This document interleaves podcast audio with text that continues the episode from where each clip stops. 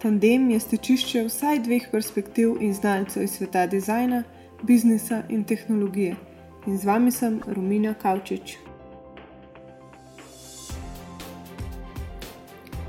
Uporabniki si želimo bank, ki so že slišali za uporabniško izkušnjo. Banke pa v zadnjem času končno lovijo vlak tehnologije. Bodo zmogle premagati tehnološke gigante kot so Google in Amazon. Kakšna era bančništva se nam približuje, glede na to, da vsem odzvanjajo v glavi kriptozaslužki? Tu so še finančno-tehnološka podjetja ali fintechi, ki znajo prisluhniti uporabnikom in zaradi manj regulacij in birokratskih ovir hitreje obrnejo svoje mašine. O tem, kako bo izgledalo bančništvo jutri, sem se pogovarjala z Mitijo Očakarjem in Jako Androjna. Mitja Očakar je svetovalec uprave v NLB-ju. Ko ne razmišlja o bančnih poslih, strategijah in izboljševanju procesov, uživa v dobri glasbi, hrani in potovanjih. Jaka Androjna je trenutno zaposlen pri banki Šparkase kot poslovni analitik. Po izobrazbi je magistr financ. Svoje izkušnje v finančni analizi je nabiral tudi v Leku, Triglavu in Tušmobilu.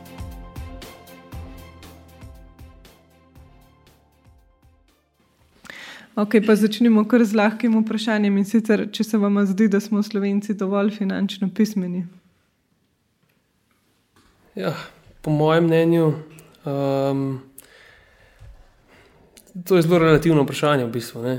Zdaj, ali smo dovolj pis, finančno pismeni, glede na ostale države v, v recimo Evropski uniji, ali gre pa za neko absolutno uh, finančno pismenost. Ne? Zdaj, kar se tiče same finančne pismenosti slovencev, jaz mislim, da bi lahko bili bolj. Oziroma, um, mislim, da sem nekaj študij pred časom gledal, da je 40% slovencev delno finančno pismenih, Hm, kar se mi zdi, da bi lahko mečkam više. Um, kar, glede, kar se tiče pa primerjava z Evropo, pa je, se mi zdi, glede na to, da imajo um, prav programe za finančno opismenjevanje, imajo najverjetneje bolj finančno pismene ljudi. Zdaj, mogoče tukaj prijemo tudi na vprašanje, v bistvu, Zdaj, ta finančna pismenost je bila v vsem tem času, ko se je razvijala uh, finančna industrija, zelo en tak um, um, kazalec, kako so ljudje recimo, sposobni sami upravljati svojim denarjem in tako naprej. Ne. Zdaj pa se mi zdi, da prihajamo v to, v to obdobje, da se lahko tudi vprašamo, ali so ljudje dovolj tehnološko pismeni. Ne? Mhm. Ne?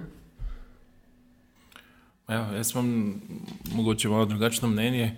Eh, mislim, da za svoje potrebe znamo kar dobro poskrbeti. Uh, nisem pa pripričan, da se vsak slovenec recimo, zaveda nekih potreb, ki jih bo imel v starosti, ker smo bili mogoče malo preveč navajeni na ta uh, pokojninski sistem, uh, ki naj bi se najpočasneje izpel in bo treba malo na drugačen način poskrbeti za svojo starost. Tako da v tem delu bomo definitivno potrebovali malo več znanja.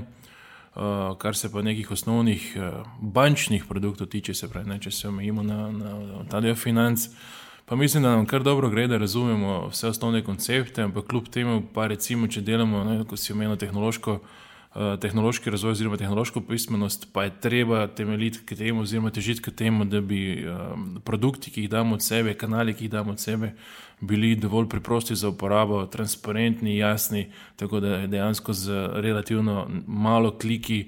Eh, človek pride do tega, kar želi, in da v bistvu ima tudi svoj eh, finančni portfelj eh, na dosegu roke, kadarkoli. Mm -hmm. Točno to je. UX prihaja v spredje.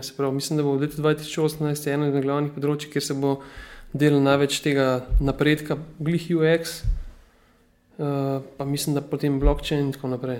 Mm -hmm. No, vsaj predvsem banke se mi zdi, da bi lahko ja. naredile en korak naprej. In sicer, eh, če se navežem sploh na ta UX, pa na tehnologijo, me zanima, kako se odločate, oziroma kako poteka razvoj v vaših bankah, kakšne so smernice. A gledate na podlagi svojih potreb, recimo trendov? Um, zdaj, pri nas je več ali manj, kako usmerjamo, se pravi, kako se usmerjamo v razvoj, kakšne cilje si postavljamo, je bolj ali manj temeljito na pod vlastnih potrebah. Um, se pravi, Ponovadi imamo neke cilje zastavljene, kam moramo priti na, do konca leta, in potem želimo, glede na, glede na zastavljene cilje, um, ugotoviti, kako bomo do teh ciljev prišli. Ne? In potem uh, nove tehnologije omogočajo, recimo, temu, na določenih področjih hitrejše možnosti za rast, kot pa stare tehnologije. Uh mhm. -huh. Zato se tudi mogoče mečkam več uh, usmerjamo v te malo novejše tehnologije trenutno. Ampak definitivno pa tudi uh, v obstoječem biznisu je kar dosti priložnosti še. Mislim, da če je vprašanje, kako dobimo ideje, ne, imamo v NLB kar um, dobro definiran uh, ta postopek uh, idea managementa, se pravi, na kak način prihajamo do idej. Na eni strani so to um, upravljanje produktov, product range management. Ok, ta del zbriši, ne vem, angliških besed. Uh, se pravi, na eni strani je to upravljanje produktov, kjer v, v sklopu z marketingom, z tržskimi raziskavami gledamo, kaj bi um, naše strankam najbolj koristilo. Um, na drugi strani smo seveda vsi naročeni na razne bloge, uh, hodimo po konferencah, vidimo rešitve, ki se dogajajo v svetu. Uh, in če se v svetu dobro primejo, potem pač gledamo, na, na kakšen način bi lahko neke nove tehnologije približali tudi našim strankam. A pa so v bistvu te cilje razvoja povezani tudi vem, recimo, z denarjem. Ker če pač bankam dobro gre, verjetno več denarja namenjajo v razvoj, pa v neke bolj inovativne projekte. Če pa je manj, pa verjetno že za osnove pač ni. Mislim, verjetno imate neko prioritetno listo. Pa. Mislim, prioritetna lista je vedno narejena glede na, na oska grla v resursih, um, ker vedno je treba tudi zadostiti nekim regulatornim zahtevam, je, hkrati pa je vedno treba upravljati neko domačo nalogo, kjer se nek, rečemo, tehnični dolg, ki se nabira, zato ker hitiš z razvojem, ga je pač treba slejko prej tudi um, uh, poravnati, ne, tako vsak bančni dolg. Um, glede budžetov, ja, se pravi, takrat, ko je čas debelih krav, je seveda treba um, pospešiti to vlaganje, zato da se naredi nekaj rezerva, da, da lažje počakaš, potem tudi, oziroma preživiš ta drugi del cikla.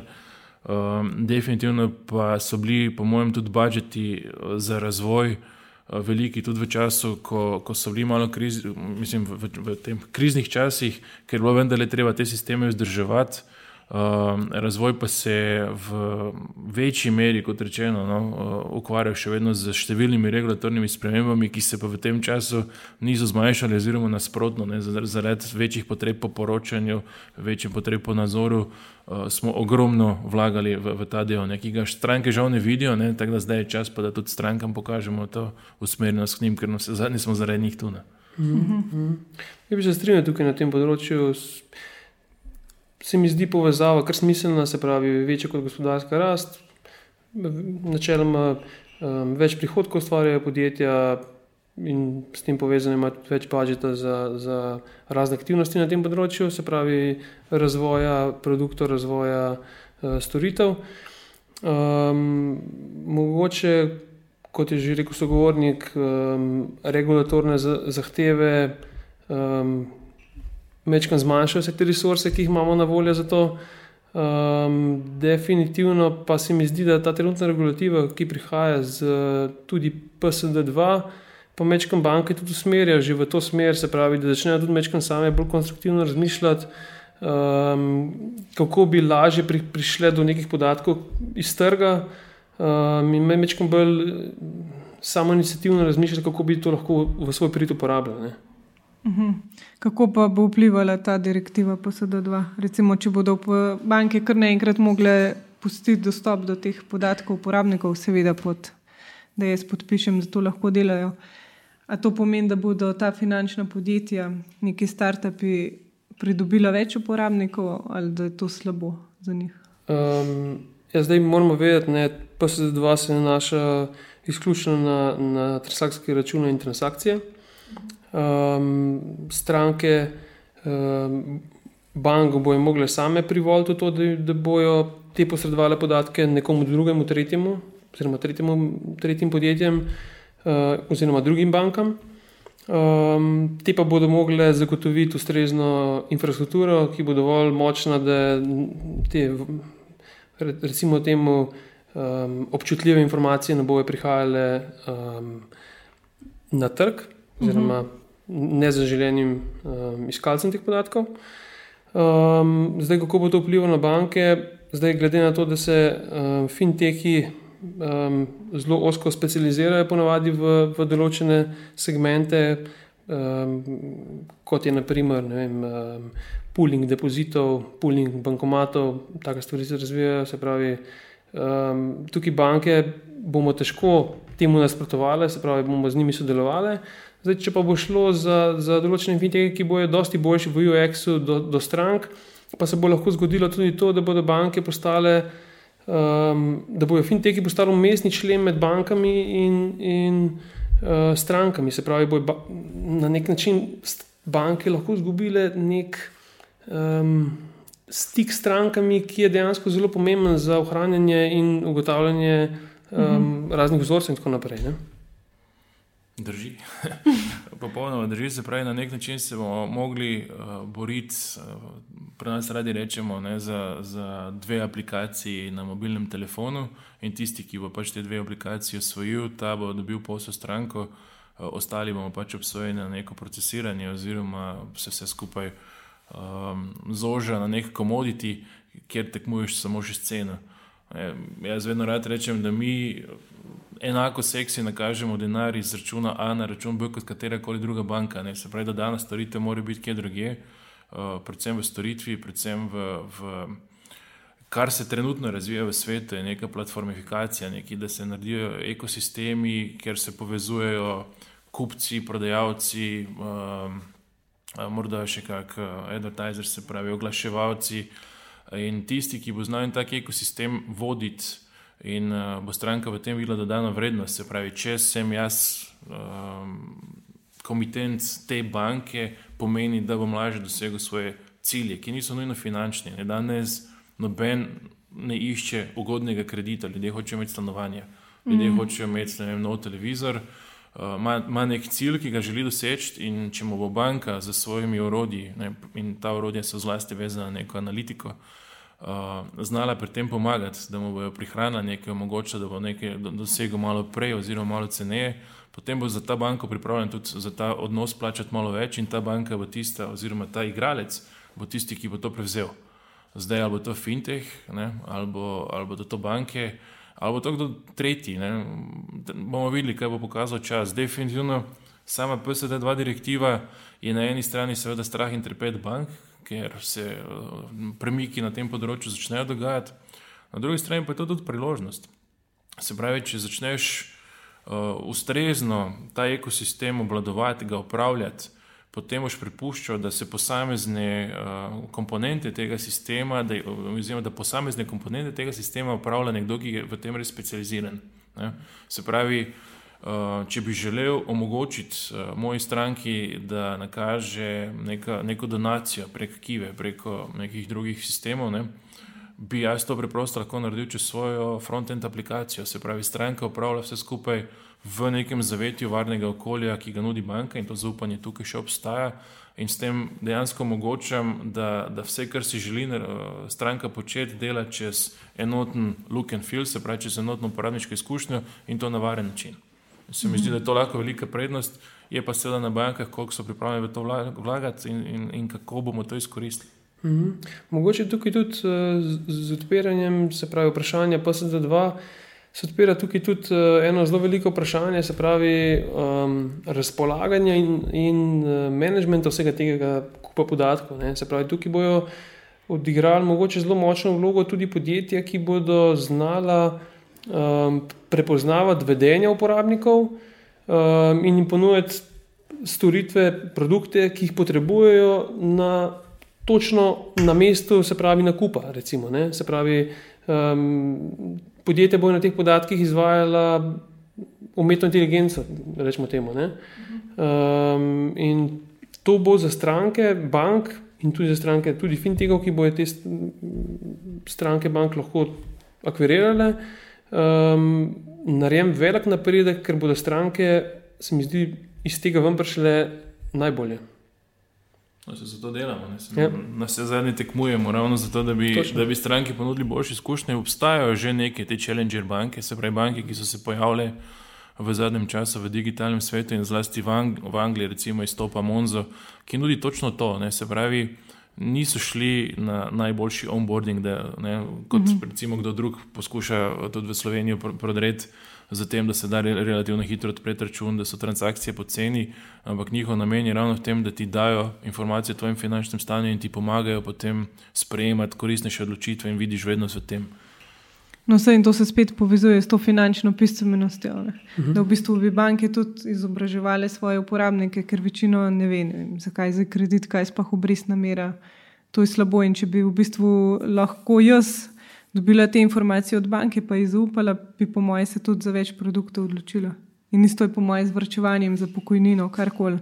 Če ljudje ne vejo, kaj sploh to pomeni, oziroma da je lahko nevarno, da ne bodo dobili pokojnine, bi več produktov, po mojem, bilo zanimivih za njih. Ja, s tem, da moje osebno mnenje je, da jim je treba to predstaviti ne z definicijami, kar smo tudi radi počeli, ampak preprosto z neko pre, preprosto grafično sliko. Mm. Če boš naredil to, se ti bo poznalo tako in se to nariše, oziroma ustrezno vizualizira in bo ljudem tudi lažje razumeti, kaj, kakšen učinek imajo njihove odločitve. Sploh če še pa vmes omogočiš neke simulacije.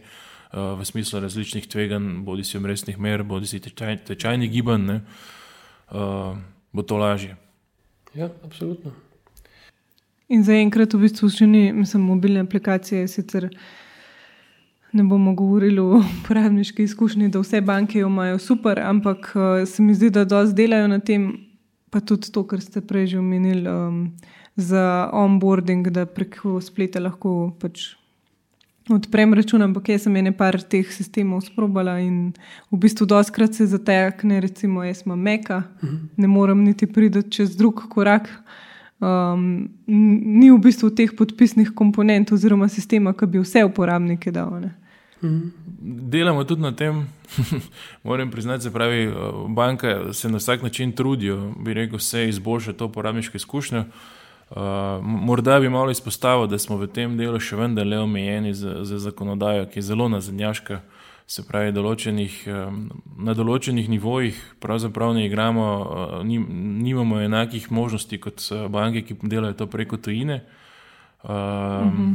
Se pravi, konkurenca za slovenske banke na slovenskem trgu je nelojalna, ker kdorkoli lahko iz tujine tukaj ponudi storitev, ki je bistveno boljša, mi pa je zaradi zakonodaje ne moremo, ker so pač določeni koraki še vedno, bodi si ročni, bodi si so preko video identifikacije omeje, omejujoči. Ena stvar, na katero bi morali v državi delati, če želimo postati digitalna država, je ravno to, da zakonodajo sprostimo oziroma da jo uh, prilagodimo uh, digitalnim časom.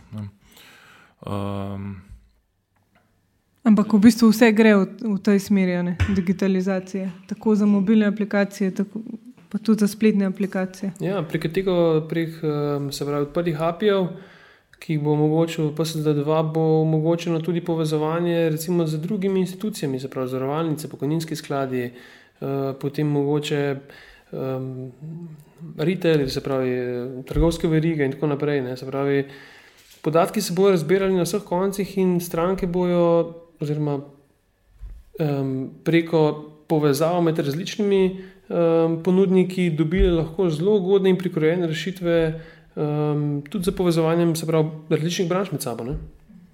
Drži. Mislim, dejansko je, da gre, da gre bančništvo v tej smeri, da v nekaj letih ne, bomo iz teh uh, megabančnih odločitev, se pravi, kjer se človek za banko pogovarja o nekih večjih kreditih, uh, kjer je bil bolj ali manj vsak, vsaka neka finančna transakcija povezana z obiskom, z, z nasvetom, se pravi, moral si, si za to vzeti čas. Uh, bodo te standardizirane transakcije, ne, te manjše, uh, postale dosegljive kadarkoli, spet uh, kjerkoli, uh, preko mobilnih aparatov, z, z priporočilnimi sistemi. In uh, verjamem, oziroma tudi marsikatera mars analiza govori v, v tej smeri, da se bo potem tudi bančni produkti in, in vedenje bančnih uporabnikov. Bistveno spremenilo, se pravi, ne bo več težav vzeti mikroposojila za nekaj dni, uh, prilagojenega točno tvojim potrebam. Tako, recimo, tako smo prej začeli z, z neko segmentacijo podatkov. Uh, na začetku smo segmentirali fizične in pravne osebe. Ne. Za fizične so bili produkti takšni, za pravne takšni. Ne. Potem se je začela segmentacija že glede na neke uh, skupine. Uh, danes že delamo persone, ne. definitivno bomo šli tako, da bo Mitja ali pa Romina čez pet let dobila produkt, ki je vezan samo na te, na tvoje potrebe, glede na želje, ki jih pač banka pozna, vezane na lokacijo, vezane na nakupne navade. Um, in in bančništvo gre v to, se pravi, to, ta, ta način poslovanja bo treba podpreti, če želiš biti relevanten na trgu. Mm. Mm. Se, se mi zdi, da druge industrije mogoče tukaj večkrat prednjačijo v primerjavi z bančništvom. Bančništvo je kar nekaj časa um, potrebovalo, da je nekako ujelo oziroma lovi nekako ostalo industrijo, kot je naprimer um, čisti. Um, Se pravi, trgovinska, trgovinske verige in tako naprej, ki imajo že mogoče večkrat bolj napredne te sisteme um, prikrojevanja ponudbe, recimo temu. Um, Sploh v tujini se to večkrat bolj vidi. Um, in se mi zdi, da ti fintehi izhajajo prav iz teh drugih industrij, se pravi, tam so ta znanja, se mi zdi, pridobili, kako, kako to te stvari dobro dela, zdaj pa to prenašam na, na tiste sektore, kjer vidim največ um, priložnosti. Ne? Drži, no. S tem, da moramo vedeti, da, da podatek o finančnem stanju in potrebah nekega posameznika ima zaenkrat samo, samo banka. Mm. Mm. In uh, dokler imajo banke še to prednost, bi mogli biti sposobni kreirati uh, neke ekosisteme, ki jih tudi oni vodijo, ne? se pravi, upravljajo finančno stanje in izkoriščajo še to zaupanje. Um, ki ga ljudje vendarle imajo, da nihče tudi tega ne želijo, mislim, se, da do tega javno ne želijo opredeliti, ampak definitivno ljudje svoje podatke banki zaupajo, brez vprašanj. Um, in to se pravi uporabi na način, da je seveda skladno z zakonodajo. Ne? Vsi poznamo pač GDPR in, in zahteve, ki jih imajo uh, za začetek neke evropske institucije, da bi preprečili tujim velikanom uh, popoln prodor na naše, na naše tržišče. Um, ampak definitivno za podatki, ki jih danes banke imajo, si lahko edine. Jaz pravi, ne govorim, noben trgovski center in nihče drug ustvari celovito sliko o nekih potrebah, in iz tega bi se dalo prikrojiti ponudbo tako, da res dam ustrezen produkt ustrezni stranki. Ja, točno. Transakcije so zelo pomemben vir informacij o, o strankah, ki jih mm. najverjetneje nima nobena druga plačina oziroma kakršnakoli uh, podjetja. Ja, se že to, da vejo, recimo, da bi skozi hodila vem, v eno X trgovino, mi lahko s tem uh mhm. -huh domov pošiljajo nek bonus. Pa, pa, Sam, kaj bi v tem primeru, ko bo PSD2 direktiva, da zavarovalnica ve, pozna tudi moje produkte, kaj to pomeni za uporabnika? Za uporabnika je definitivno. Kaj je prednost? Ja. Mislim, prednost za uporabnika je, da bo lahko produkte prikrojil vsak. Um, je pa seveda vprašanje, je, je to celovita informacija, zato ker banka na drugi strani pozna tudi uh, finančno stanje, se pravi, uh, Eh, ki, ki ni razvidnosti transakcijskega računa. Mm. Vemo tudi stanje na depozitih, poznamo stanje na kreditih. Se pravi, je možno uh, ponudbo narediti veliko bolj relevantno kot nekdo, ki ima samo podatke o finančnem stanju, pa potem ponuja vem, ugoden depozit nekomu, ki je težko zadolžen. Ta, to ni relevantno in ni kontekstualizirana ponudba. Ne. In banka bo tu nekaj časa še prednosti, kot rečeno, se bo pa morala um, vsaka banka na no, temeljito potruditi, da spostavi strukturo, ki bo znala iz teh podatkov uh, kreirati dobre informacije in na podlagi tega neko dobro tržniško akcijo prilagojeno posamezniku. A to pa se trenutno še ne dogaja?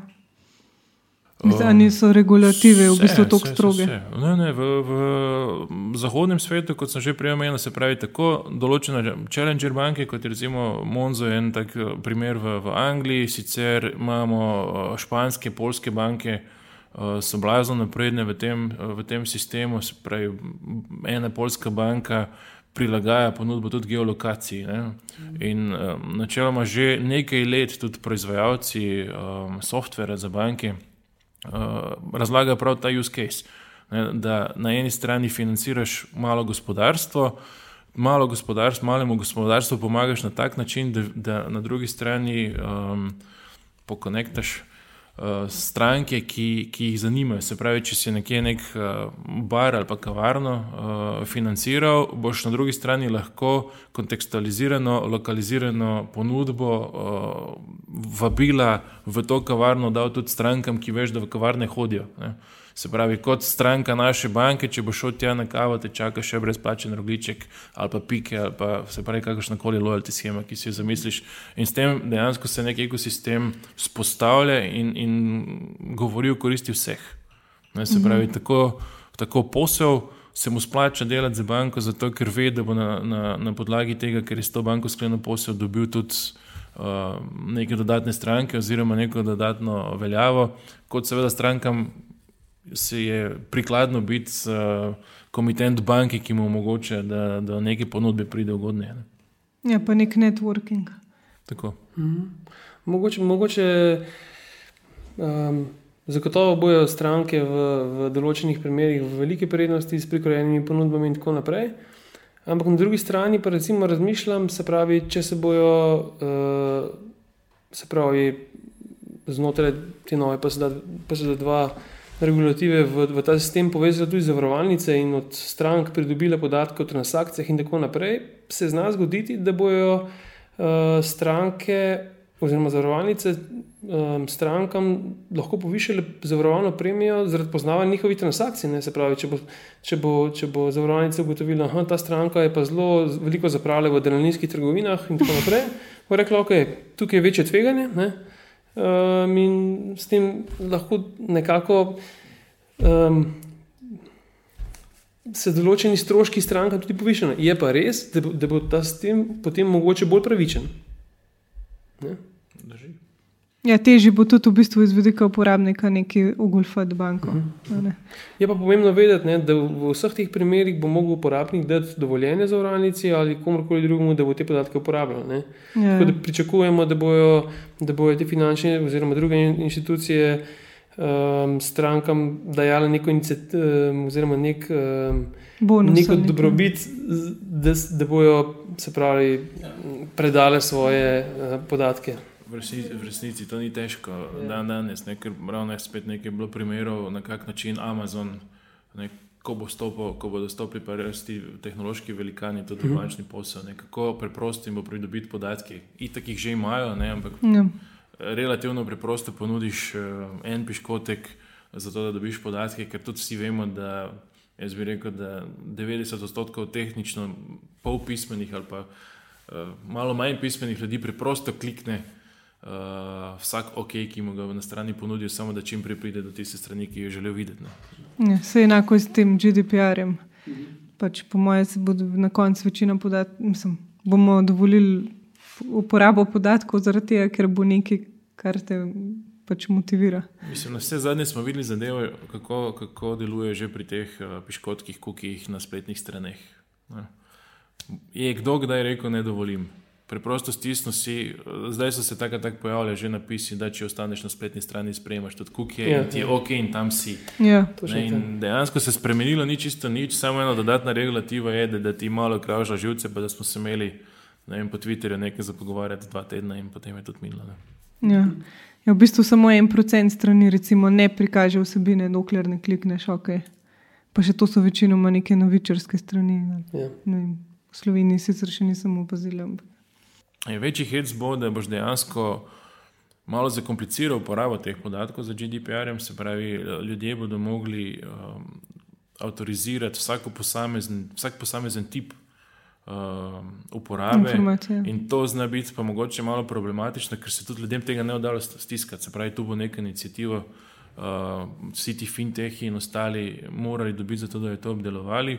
In na drugi strani, na vse zadnje, tudi banke. Ne? Vse to, kar smo rekli, da banka te podatke ima, uh, jih bo prav tako, jih bo moral, uh, morala stranka dovoliti, da jih uporablja tudi v te namene, da bo nekomu prilagajala ponudbo. Mm. Zdaj, načeloma vsi vemo, da je to prilagajanje ponudbe lahko nekomu samo v korist. Ne? Ampak eh, zna pa se zgoditi tudi zlasti kasneje, ko bomo začeli govoriti o internetu stvari, ker bodo bolj ali manj senzori uh, pošiljali podatke o vsem, kadarkoli v, v neko centralno bazo, da bo pa takrat uh, si nekdo želel tudi, da nekih podatkov nekdo o njem pa ni. Ne? Mm, to Ja, da jih nima, ali pa da so napačni, ali pa mogoče narobe interpretirani, če ne bo nekega človeka vmes, ki jih lahko. Se, se bojim, da bo razvoj umetne inteligence v nekaj letih prišel do te stopnje, da bo tudi kakršno koli zlo, zlorabo, oziroma poskus zlorabe opazil še preden, da, da ne boš mogel tako dobro splanirati neke zlorabe, da tega sistema ne bi ugotovil. Dobar, ja. Po mojem, čez par let bom, bodo i tako pametni ti sistemi. Ampak že te. Um, Si predstavljate, da bi lahko zdaj prek checkbota odprla nek bančni račun? Recimo, se lahko zgodi, da bi šle banke v to smer? Um, Ali je to preveč zakomplicirano? Oziroma? Zdaj, bančne račune razni ponudniki v Evropi že ponujajo, se pravi, predvsem transakcijski račun, da ga lahko odpreš preko spleta. Ne? Zdaj, prek checkbota bi ta stvar bila še mečkam bolj avtomatizirana, se pravi v odzadju niti ne bi bilo potrebno, da je človek. Um, mislim, da lahko ta stvar gre v, v to smer. Um, ampak ne vem, ali bojo imeli uporabniki od tega res neke uh, drastične koristi. Um, jaz mislim, da zaradi parih minut um, se uporabniki ne vem, če se bojo odločili. Vsaj, vsaj trenutno še ne se mi zdi. No, Je treba je videti, kaj je dejansko primer uporabe, da bi to delalo čez chatbot. Jaz še vedno mislim, da chatbot bo, bo predvsem deloval kot eh, priporočilni sistem, uh, kjer ti bo znal svetovati, kako priti do pravega produkta, in od tam naprej boš dejansko na obrazcu, ki bo predizpolnjen za podatke, ki bo banka tebi imela, uh -huh. uh, zato da se zminimizira število korakov uh, do konca. Ne? Ker tudi si treba vedeti, da je. Eh, ta faktor konverzije, ne, oziroma ko začneš z neko potjo in do konca, daljša kot je, bolj kot je zakomplicirana, večja možnost je, da stranko na poti izgubiš. In ravno zato se začne, si tudi želimo ne samo zaradi stranke, ampak tudi zaradi svojega posla narediti te poti izjemno lahke. Ne. To je, mislim, da Rory Sutherland enkrat povedal, da, da interfejs um, determinira oziroma določa uporabnikovo vedenje. Ne. Se pravi, če bomo mhm. nekje dali en gumb in bo na tem gumbu rdečem pisalo, če stisneš ta gumb, boš prihranil 50 evrov, ne, privrčeval bodo ljudje stiskali ta gumb. Če pa ga ne priprašaš, kako obrestno mero želiš, kako dolgo bo to trajalo. Ne, in potem se pa mogoče, in na koncu vidiš, da glede na trenutne obrestne mere, ne, ti potem, ko si naredil 12 korakov, pripada 7 centov obresti, potem se ti zdi za malo. Mhm. In, in to si želimo, Hit, hitro priti do uh, konca posla. S tem je uporabniku omogočeno, da se spet ukvarja s tem, kar se želi ukvarjati, ker noben se ne želi ukvarjati z to birokracijo. Uh, banka, oziroma kdorkoli, no, ki se ukvarja z user experience, pa hitreje pride do nove stranke. Mm -hmm. V ta namen se, se to uporabljajo, da ti 5-second testi na strani, ko priješ gor do 5-5 sekund, moš ugotoviti, najti tisto, kar iščeš, drugače stranka odide. Um, tudi razni hitmapi in tako naprej. Tako da, drugač pa če bote, jaz vidim predvsem uh, bolj uporabne za banke pri, pri sami um, podpori uporabnikom. Ne, se pravi, mm -hmm. za mhm. tista najbolj pogosta vprašanja, o, vem, kje je poslovna enota, ali imate te produkte in tako naprej. Se pravi, da, da, da stranki ni treba čakati na liniji za pogovor z nekim delavcem banke, ampak da mu sistem dokaj enostavno in dokaj hitro odgovori na vsa enostavna vprašanja. Drži za prvo generacijo, no? ampak trenutno se napoveduje že recimo tretja generacija, če bo to, kjer boš preprosto prišel domov in rekel: Alexa, jaz bi rad kupil televizijo. Uh, in bo rekel, ok, na računu imaš toliko, ponudbe televizije so takšne, lahko ti dam kredit, lahko vzameš to, se pravi, da ti dejansko da finančni nasvet, Eh, pri katerem na koncu rečeš samo ok. Ne? Recimo, vemo, da pri Fordu uh, so uporabniški izkušnjo želeli, se pravi, proizvajalci avtomobilov, izboljšati na ta način, da so za Amazonovo Alexo se, se zintegrirali in dejansko mhm. -huh. človek med vožnjo domov naroči stvari iz trgovine, pač pove, ne kupi to, to, to in da dostavi do doma.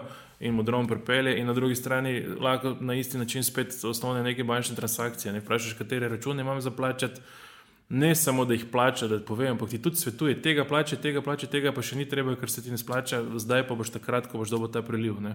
Se pravi, dejansko um, pričakujejo, no, da, bi, da bi na tak način robotizirali finančne svete in to je tisto, kar strankam prinaša dodano vrednost. Mm -hmm. in, in mogoče tukaj še, še pomemben dejavnik, um, zakaj podjetja investirajo toliko v, v te um, voice search in tako naprej, ne, je to, da dejansko, ko ti trenutno ne, te zanima neka stvar in jo vneseš v, recimo, spletni brskalnik, ne, ti ta vrže ven 10, uh, 20, koliko želiš gledati rezultatov. Ne.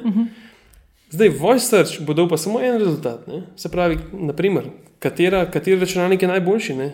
Ja. Drži. Ja?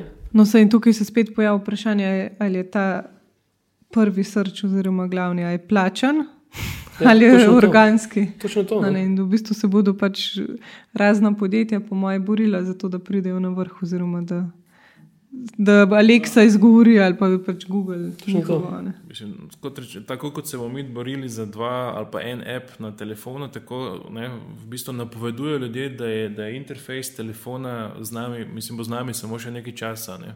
Kasneje naj bi se Ja. vse selilo na voice. Uh, jaz sem sicer nasprotnik tega, ker ves dan v službi recimo, preživim v raznih pogovorih in doma potem nočem več reči nobene besede, kaj še da sem pogovarjal z računalniki. Ampak, ko pa vidiš neke primere uporabe, ne, kjer preprosto z, medtem ko delaš nekaj drugega, z preprostimi ukazi prideš do stvari, ki jih želiš, uh, se zna zgoditi, da bo to res postala neka navada, od katere ne bomo, mislim, ko jo bomo enkrat usvojili, si ne bomo znali predstavljati življenje brez tega. Uh, in kot rečeno, ja, ne, zdaj se borimo za, za en app, takrat se boli- borili za to, da so tisti prvi na priporočilnem sistemu. Boš pa, bo pa vsak lahko povedal, kaj so moje preference. Ne, se pravi, daj mi samo uh, rešitve iz recimo preverjene poštene trgovine. Ne. Ja. Oziroma, ne, ne plačene vlase. Ne. Tako. Boš, boš lahko povedal in dejansko ne, en, enim boš zaupal, enim ne boš zaupal. Ne. Zdaj vprašanje, kakšen bo fi za to. Ja. Pa tudi spet je pol v bistvu uporabnik mora najprej zaupati Aleksi, torej ljudi, ki ne bodo marali Voice, bo že to. Pol še nek fintech, oziroma okay, če bo imela banka že prednastavljene te rešitve za Voice. In spet, kje se zdaj nahajamo, okay, če sem jaz v avtu, v službi, verjetno ne bodo vsak na svojem telefonu, ker zdaj lahko to potiham delamo, gled, pogledaš tri sekunde svoj račun in to je to. Ja, sej, oboje. Jaz mislim tudi, da bo kombinacija. Ne. Jaz sem še v bistvu zgleda malo iz stare šole, še vedno verjamem v web.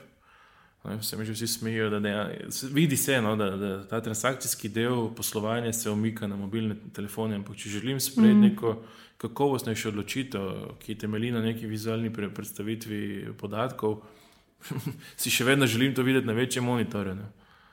Um, Ja, no, predvsem pa za- zaenkrat, če ni rešitev, ki bi vizualno vem, pokazali ali pa aplikaciji. Jaz še vedno mislim, videl sem zdaj že kar nekaj primerov um, uporabe uh, virtual reality in augmented reality, um, kjer si si preprosto pač nadel očala in, in si vse te posle opravil in z, z mižiki uh, relativno uh -huh. dobro prišel do tistega cilja. Zaenkrat so vsi ti še v fazi pilota. Moram reči, da se mi je v enem momentu zdelo malo bedasto, ko sem tam skakal, pa gledal na krog, spet ne moreš. To se pravi, neke zadeve, ki jih želiš res delati v privat uh, okolju, je, je še vedno lažje delati tiho. Ne? In zato rabiš en ekran in nek interfejs, po katerem praskaš. Um, bo pa, kot rečeno, neke zadeve, ki jih pa narediš mimo grede, uh, pa definitivno vojs tisti, ki, ki bi Ja. moral prevladati. Ne? Hm, strinjam. No, pa če se premaknemo še v prihodnost, oziroma že kar sedanjost, kaj menite o tehnologiji blockchain oziroma tehnologiji veriženja blokov? Ali je to neka modna muha, ki se trenutno dogaja, pa pač se ful o tem govori, ali je to dejansko naša prihodnost? Zdaj, moje mnenje, to je definitivno prihodnost. Ne? Zdaj, tukaj ne govorimo o ICO-jih, pa o cenah eh, raznih eh, kriptovalut, ampak eh, govorimo o blockchain tehnologiji. Ne? Pa tudi blockchain tehnologija ni primerna za vse. Ne? Se pravi, um, zdaj, ko vidimo vse to poplavo ICO, vidimo, da določena podjetja bi lahko poslovala normalno preko normalnih uh, nekih IT sistemov, pa, pa forsirajo blockchain tehnologijo, zato da čim lažje dobijo funding za svoja, za svoja podjetja. Ne. Definitivno pa, pa, pa blockchain omogoča um, marsikaj uporabnega, uh, omogoča transparentnost, omogoča popolno neodvisnost od kakršnega koli sistema na svetu, omogoča zelo optimalne plačilne sisteme. Um, če je zagotovljena, se pravi, um, diverzifikacija oziroma um, ta um, razpršenost potrebovalcev transakcij po celotnem svetu, um, da ni možnega dost uh, hitrega oziroma uh, enostavnega 51-odstotnega napada na, na, na blockchain, govorimo o javni uh -huh. blockchain verigi, potem so te zadeve načeloma zelo varne. Um, zdaj njihova uporaba um, se mi zdi smiselna na marsikaterem področju. Um, če govorimo, lahko govorimo o zdravstvu, um, plačilni, plačilni sistemi. Um, nekateri prenašajo, mislim, da Švedska začela prenašati zemljiške knjige na, na, na mhm. blockchain, uh -huh. potem um, volitve. Pravi, tukaj je malo more, supply chain, ne? se pravi sledenje uh, produktom od, od njihove proizvodnje, že sa, od samih sestavin pa do končnega produkta. Um, prek teh čipov lahko celotno, celoten čas meriš in temperaturo, in vlažnost, in uh, lokacijo. In Praktično vse, kar tukaj je. Tukaj je možnosti so neomejene. Ne? Jaz sem tudi mnenje, ki ni čist, ni čist enako. Oziroma, Uh, strinjam se, da prihodnost bo taka, kot si opisal, ne? da se bo na, na, na teh tehnologijah uh, veriženja blokov in blokčenih uh, pojavilo ogromno rešitev. Um, mislim pa, da predvsem zato, ker se zdaj v to toliko vlaga in, in ko se bo enkrat dosegli, ko bo enkrat dosegli tudi skalabilnost sistemov, uh, ko bodo ti um, sistemi doseganja konsenza, uh, izboljšanje, ne? se pravi, govorimo o Recimo, zadnjič smo, smo imeli tudi na Twitterju neko debato o, o Zero Knowledge uh, Proofu.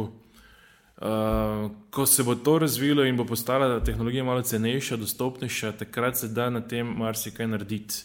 In jaz tukaj, recimo, ker sledim tej hype, uh, Gartnerjevi uh, metodologiji Hype Cycle, ne, in blockchain se trenutno uh, nahaja nekje na vrhu ki mu rečejo največja pričakovanja. Se pravi, trenutno smo na vrhuncu pričakovanj in navadno, pač glede na njihovo metodologijo, potem sledi tudi en, en padec, ena, uh, se pravi, kjer tehnologija dejansko se ne izkaže za tako obetajoče, kot je nekaj časa kazalo, in potem še nekaj časa mine, ko, ko se pa potem pojavijo uh, primeri uporabe, ki so dejansko smiselni in se neko, nek nivo produktivnosti. Um, uh, spostavi. Zdaj pri blockchainu, ne, vse te zadeve, ne, ki si jih prej opisal, uh, se jaz vedno vprašam, zakaj počnemo to na blockchainu. Ne. Ena je zato, ker lahko, ne, ker, ker to počnejo vsi. Um, druga stvar, ker, ker je res moderno, ker je trenutno res vlada taka mrzlica vlaganja v, v kriptovalute in, in vse, kar je povezano z blockchaini, da tudi ko si en star rudnik na dane, uh, besedo blockchain zraven imena, oziroma Kodak, neko firmo, ki smo že bolj ali manj vsi pozabili, uh, omeni, da, da se bo pa, zdaj, da bo pa na blockchainu naredila uh, neko rešitev in, in delnice vsem zrastejo. Kodak, mislim, da je meni včeraj, da je bilo to prečerajšnje, v enem dnevu dobil 30% mm. vrednosti. Uh, vse kaže na nek balon kriptovalut. Ne? Osebno verjamem, da, da je smisel blokčina trenutno v dveh zadevah. Prvo je zaupanje, se pravi tam, kjer uh, verjameš, da je možno stvari kasneje potvoriti, ponarediti, se pravi v tem uh, principu nespremenljivosti, immutability. Uh, je nekaj, kar bo blokčin definitivno igral izjemno veliko vlogo. Uh, Na drugi strani se vprašam, recimo v zahodnem svetu, zakaj, komu pa mi ne zaupamo, zakaj rabimo use case, ki je dejansko temelji na, na blockchainu, ne? zakaj bi ena švedska dejansko mogla register uh, nepremičnin dajati na, na, na blockchain. Se pa strinjam, da je to smiselno v Egiptu narediti. Um, Tu še imam eno težavo, oziroma kar tudi zadnji čas vidim, da je blockchain postal res velik, eh, se pravi, velja neka mrzlica. Ne? Imajo ljudje najprej idejo, ok, zdaj blockchain poznamo, zdaj pa gremo iskati nek problem, ki ga bomo s tem rešili. Eh, se mi zdi tudi mogoče malo, malo zgrešen pristop. Ne? Še vedno obstajajo tehnologije, ki veli, večino teh problemov, ki smo jih omenili, tako supply chain, kot enotnih registrov, rešujejo.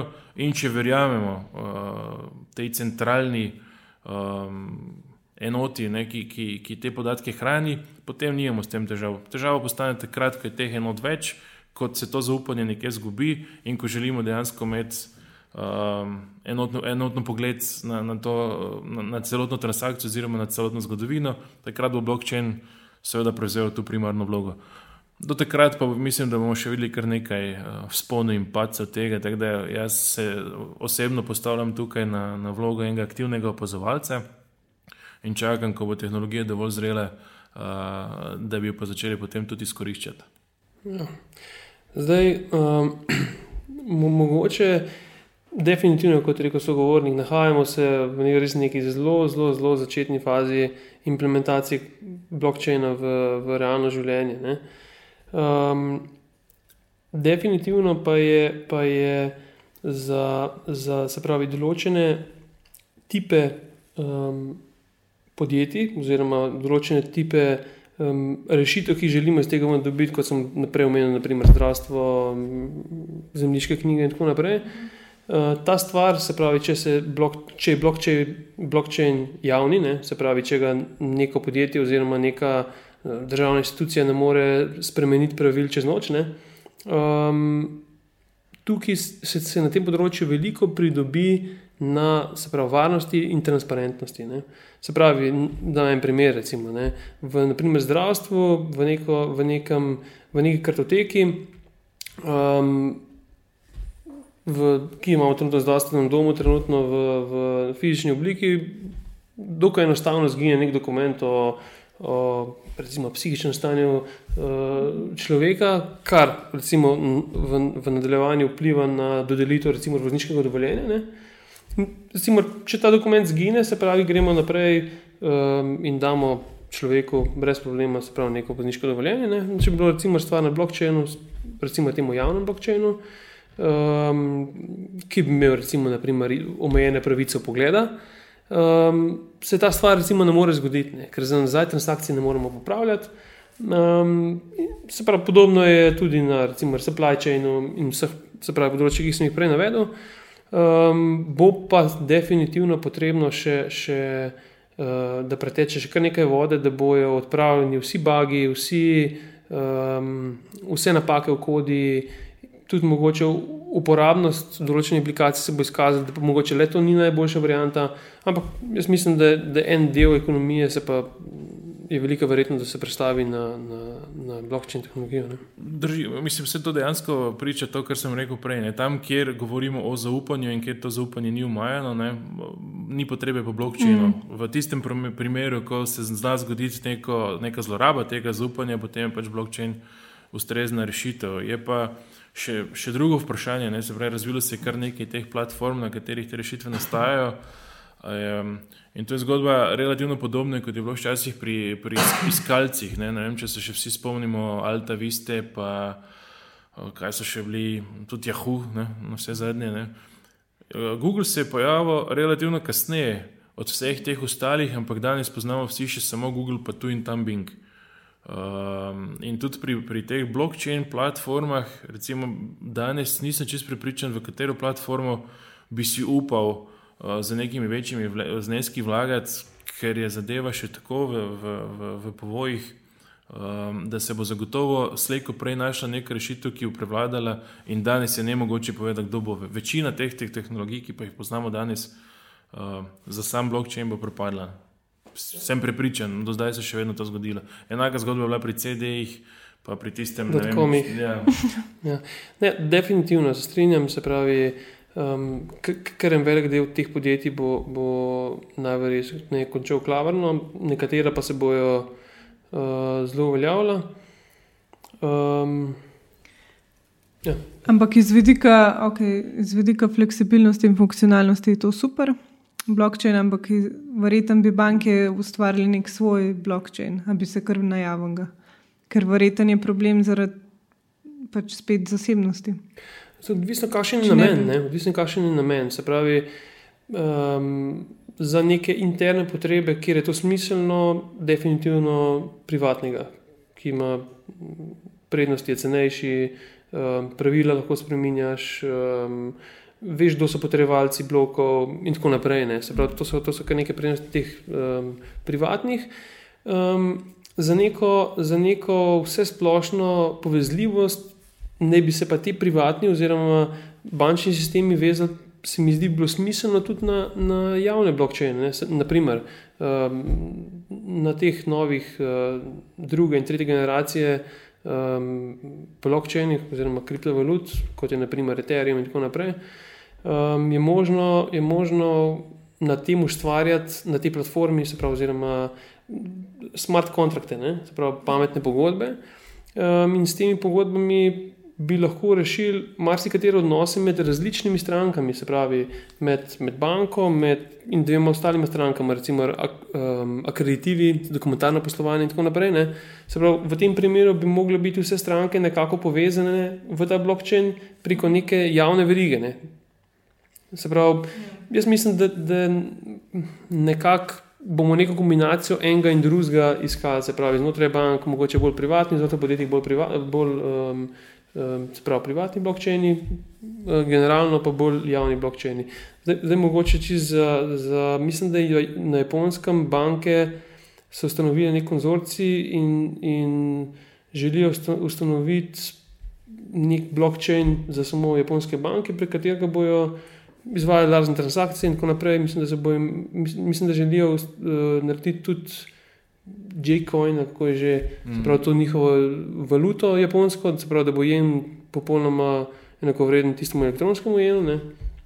Um, tako da tukaj je pa za ta konzorcium uh, blockchain. Ne? No, no, tudi nekaj evropskih bank, mislim, jih sedem, šest, ja. je nekaj inicijativ, kjer se povezujejo, oziroma tudi bančna skupina, uh, ki recimo nek, mislim, da je. Uh, small lending, se pravi posojila za mala podjetja in zlasti na trgovinskem poslovanju uh, obstaja že nekaj pilotov. Uh, res pa sem doskrat vprašal, recimo, vem, da, da je ena francoska banka, uh, ki je objavila, da so neko rešitev naredili, pa je na nizozemska tudi uh, na, na blockchainu. Uh, mi je bilo prav zanimivo, zakaj pa prav blockchain. In dobil sem odgovor, ker je PR-ovsko zelo dobro, dobro sporočilo, da se s tem ukvarjamo. Ne vemo, da so druge eh, tehnologije tudi tam, ne, recimo za konsolidacijo podatkov, mhm. obstajajo bistveno boljši. Boljše rešitve dan danes, ampak je pa, pa PR-ovsko zelo močno sporočilo, da si pač sodoben v, v koraku s časom. E, sicer pa tudi jaz mislim, da banke bodo do nadaljnega, ne, predvsem vlagale v neke privatne blokčine in to mislim, da so tudi Eh, potem ti veliki tehnološki ponudniki, ki, ki te rešitve razvijajo, bodo nekaj časa še kar v prednosti. No. Mhm. Ko pa bomo se enkrat pogovarjali dejansko o neki res decentralizirani ekonomiji, uh, se pa treba tja priključiti, ampak takrat mislim, da se bo pa tudi mogoče malo spremenil uh, nasploh odnos do, do mhm. te institucije. Ja, mo mogoče, mogoče že za primer preko, preko um, kriptovalute Ripple, ki je blockchain, sicer mislim, da je centraliziran še vedno. Um, banke delajo kar nekaj testov za mednarodne poravnave in, in te, te stvari so zelo uspešne in tudi uh, zelo ugodne. Um, zanimivo je tudi, ne, da v, v Avstraliji vsi državljani lahko plačujejo vse položnice preko, preko ja. um, z Bitcoinom oziroma z drugimi kriptovalutami. Zdaj sem zasledil podatek, da tedensko se upravi mil, za milijon avstralskih dolarjev transakcij mhm. preko tega um, sistema. Da, ampak, kar še je vedno malo, ne glede na vse transakcije. Ja. Kar je še vedno je malo. Ja. Pa, v bistvu ne razumem, naj, ne razumem pa tega, zakaj ravno položnice. Za transakcijo z nekim bitcoinom plačeš bistveno več kot pa z, z ja. Fiatom. Oziroma... Tudi iz vidika uporabnikov. Ja. Ampak kako bi pa, mislim, kako pa banke v Sloveniji gledate na to, na poslovanje s kripto? Recimo, zdaj se predstavljam, da dosta uporabnikov je prej imel vrčevalne račune, pa so dajali vem, vsak mesec 50 evrov, x neko vsoto, zdaj pa lahko dajo teh 50 evrov v kripto in ker se ful govori o tem, da nosi so pač lahko so večji, lahko so manjši, odvisni, kako uporabniki vlagajo, ampak lahko banka malo zgubi tega poslovanja ali pa stika.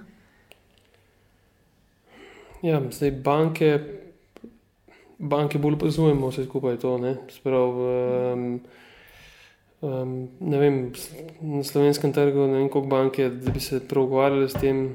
Um, Bitcoin bankomati so, so edina stvar, se mi zdi, s čimer se trenutno slovenske banke, uh, kjer se slovenske banke dejansko uh, navezale na to tehnologijo.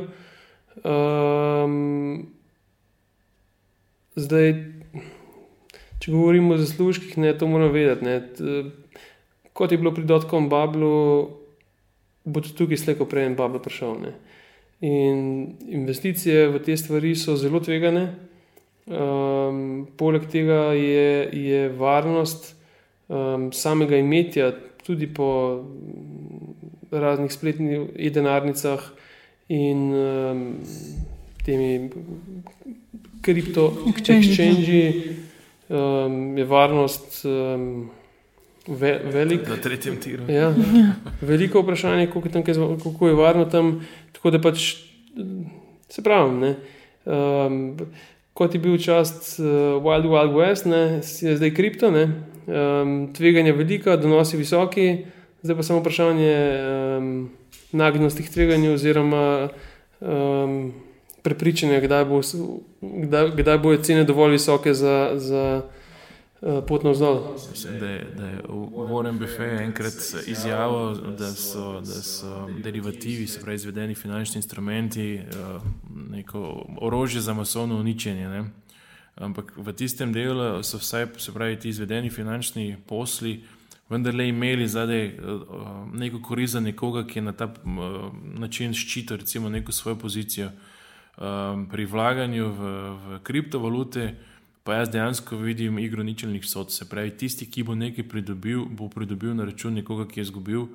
Um, in kot rečeno, nisem še našel, no, lahko imam eno pomankljivo informacijo, ampak nisem našel res, da bi kdorkoli v Bitcoin vlagal zato, ker se ščiti nek svoj posel, nek svoj fizičen posel. Um, se pravi, za moje pojme, moje osebno razumevanje, je to ena velikanska špekulacija. Um, zelo podobno loteriji, kjer pač jih bo nekaj odneslo ogromno denarja, če tudi se mogoče zdaj na papirju vsem dobro kaže, ampak v enem momentu uh, se zna to hitro zrušiti. No, da, kot je kolega rekel, gre za veliko špekulacijo in tudi zato je banka tukaj v bistvu v položaju, kjer lahko um, predvsem podočuje svoje, ljudi, svoje stranke o nekih tveganjih, oziroma pravzaprav vse, in mislim, da je to tudi naša dožnost in del tega finančnega pismenjevanja.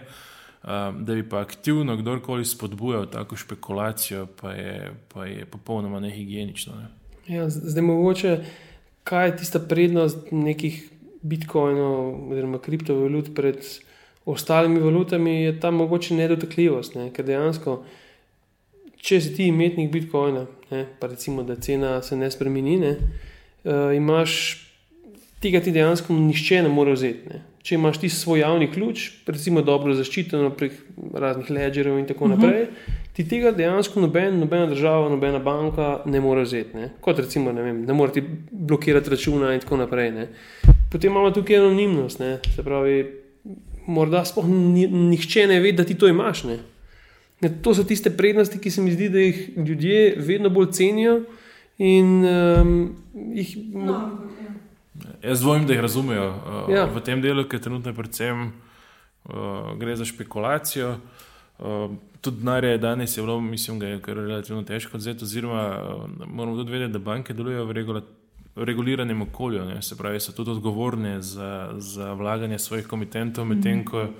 Ehm, na, na področju kriptovalut ni prav nobene regulative. Eh, in bolj ali manj vse, vsi dogodki, ki se zgodijo, se pravzaprav še učimo. Mm -hmm, to. Uh, ja, kar izgubiš, izgubiš. Pač banka ti pa vseeno neko varnost. Da, ja, ja, če ti ja. karkoli kdo ukrade, zheka, ja. dobiš nekaj. Čeprav, ko spremljam neke uh, švicarske in mislim, da tudi norveške banke, omogočajo ali bojo začele omogočati tudi hranjenje bitcoin, investicije v bitcoin in tako naprej v Ameriki razni hedge fundi podpirajo te stvari. Um, ja, ampak spet pol pride do neke ja. centralizacije, oziroma ja, naprimer, ni pol anonimnosti absolutno. več. Zdaj, zdaj, kot je v vsaki neki revoluciji, evoluciji. Um, Na začetku pride neka tehnologija, kot je bilo pred internetom, dotkomih in tako naprej, neka tehnologija. Ne? Zdaj, da pride ta tehnologija lažje v kri, um, se pravi, ljudem, je ponovadi v zadju neka finančna, finančni incentiv. Ne. Mm. In to je to, kar zdaj vidimo na, na kriptotrgih, se pravi, ljudje v kripto hodijo zato, da bi zaslužili. Ne. Mali delež tistih, se mi zdi, ki verjamejo v to tehnologijo, oziroma ki sploh poznate to tehnologijo. Um, v osnovi že smo. V osnovi, ja. Tako da zaradi tega so tvegane še toliko večje. Ja, tako da pač. Um, Meni je bilo zanimivo, ne vem, če poznate ta projekt uh, DAO, decentralizirane organizacije. Mm -hmm. Nim se je zgodil nek uh, hack in potem hard fork. In dejansko je nekaj ljudi, ki so izgubili denar in to veliko denarja, uh, tako verjelo v samo idejo decentralizirane uh, zgodbe, da niso želeli podpreti tega, da se ljudje odločijo in vrnejo uh, zadevo nazaj v staro stanje. Uh, ampak so živeli s tem, in, in, oziroma zagovarjajo dejstvo, da jim je nekdo ukradel denar in ker je algoritem to dopustil, je to ok. Ta, ta, ta idealizem uh, mi je, sicer mi ni blizu, ampak mi pa je bil blazno všeč. Se pravi, obstajajo ljudje, ki, ki hudo verjamejo. Ne vem, ali je to neko razočaranje nad, nad družbo, ki obstaja, ampak da verjamejo v neko idejo do te mere. Uh, in, in če obstajajo taki ljudje, sem bolj pripričan, da se bo tudi nekaj iz tega zgodilo. Mm -hmm. Točen to je. No, pa da končamo s tem, da če bi se tehnološko lahko karkoli spremenili, oziroma da bi lahko videla, omogočila, kaj bi si želela videti, da postane realnost na področju bančništva. Dobro vprašanje. Drugo vprašanje je, kdaj si to želimo. Načeloma, načeloma, načeloma že veljajo analize, oziroma, ki so bolj pesimistične eh, in govorijo o tem, da v letu 2030 naj bi kar 70 odstotkov bančnih služb uh, se popolnoma spremenilo. Se pravi, uh -huh. uh, posli in vloge, ki v manjši že danes obstajajo, naj čez dobrih deset let največ ne bi bilo, sicer jih bo nadomestili ene druge vloge, vprašanje v kakšnem številu in v kakšnem obsegu.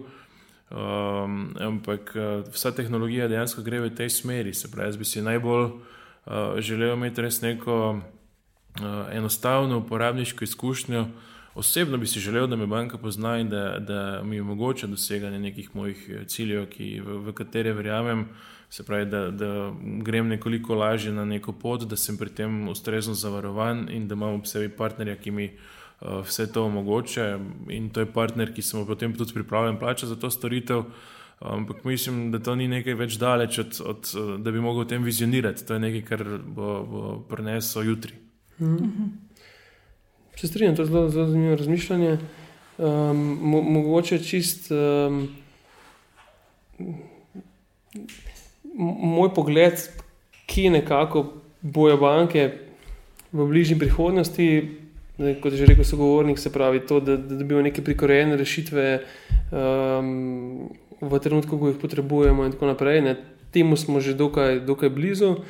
Um, jaz sprašujem, ali bomo banke dejansko sploh ostale te funkcije, funkcije direkt, in ohranile direktni stik z strankami, ali bomo postali neki wholesaleri. Ne, neki trgovci na debelo, ki bomo dejansko samo izvajali neke stvari, ki jih bojo um, naše, recimo, posredno naše stranke. Ne, Um, izvajale na, na licu mesta. Ne? Se pravi, ko bo stranka potrebovala avto, bo šla, bo šla v trgovino, si bo zaželela uh, kredit in nek uh, fintech, pa mogoče celo že, že se pravi, um, prodajalec avtomobilov in bo ponudil kredit za katerega bo dobil preko raznih sistemov že rating, eh, se pravi, kakšen je, eh, kakšen je rating stranke, koliko kredite lahko damo in tako naprej. Ali lahko ta kredit dobi ne, banke bomo pod zadnjim, bolj kot ne izvajalci vsega tega. Ne? Ja, ampak se dejansko je to, dejansko ti svoje lovke s tem razširjaš eh, v vse kanale. Ja. Tudi, tudi API bo en od, od kanalov. Ne? Se pravi, tista banka, ki bo ponudila kreditni API vsem trgovcem, ne, bo bolj ali manj vsak mogel poklicati samo en klic in bo opravil transakcijo tam. Ne. Meni je bilo tudi vedno všeč, recimo, ideja imeti eh, možnost dobiti kredit na telefonu, za razliko od dobiti kredit na, na prodajnem mestu. Ne, ker, ja. če greš nekaj kupiti, sploh če rabiš neko potrošniško manjše financiranje in zdaj tam se dogovarja, da boš nekaj plačeval na 24 eh, obrokov. Uh, načeloma vsi vejo, ne, da si tam, da nekaj podpisuješ, trgovec ve, nekaj pla, mislim, se zname, moraš dajati neke podatke. Ne. Neprimerno, bolj elegantno je to praviti v, v intimi sebe in svojega telefona uh, in priti tam in, in kupiti zadevo, ki jo želiš. Um, to je prvi korak. Drugi korak pa bo, ko se bo dejansko tudi uh, ta trgovec povezal v ta ekosistem in boš zato, ker si komitent neke banke pri tem trgovcu dobil neko uh, ugodnost. In to je nekaj, kar mislim, da je bo relativno hitro tukaj. Če ne bodo ponudili naše banke, bo ponudil kak fintech slejko prej, mm. če tudi fintechi se z lokalnim um, sistemom še ne bodo tako povezovali. Tudi tu imamo mogoče banke srečo, stranke smolo, da, da smo res majhen trg in ni zanimanja fintechu. Da enega, ene Apple Store ne dobimo v celoti, da je Netflix prilagojen, se pravi, jih ne zanimamo do te mere, da bi uh, nas resno ogrozili. Tako da na srečo, ne, pač ta čas, ki smo ga potrebovali, zato da smo se skonsolidirali, da smo malo te slabe naložbe ščistili, nismo doživeli večjega pretresa, zdaj pa je skrajni čas, da se lotimo sprememb. Mhm. Točno to. Super, ful vam hvala za vse te odgovore. Hvala.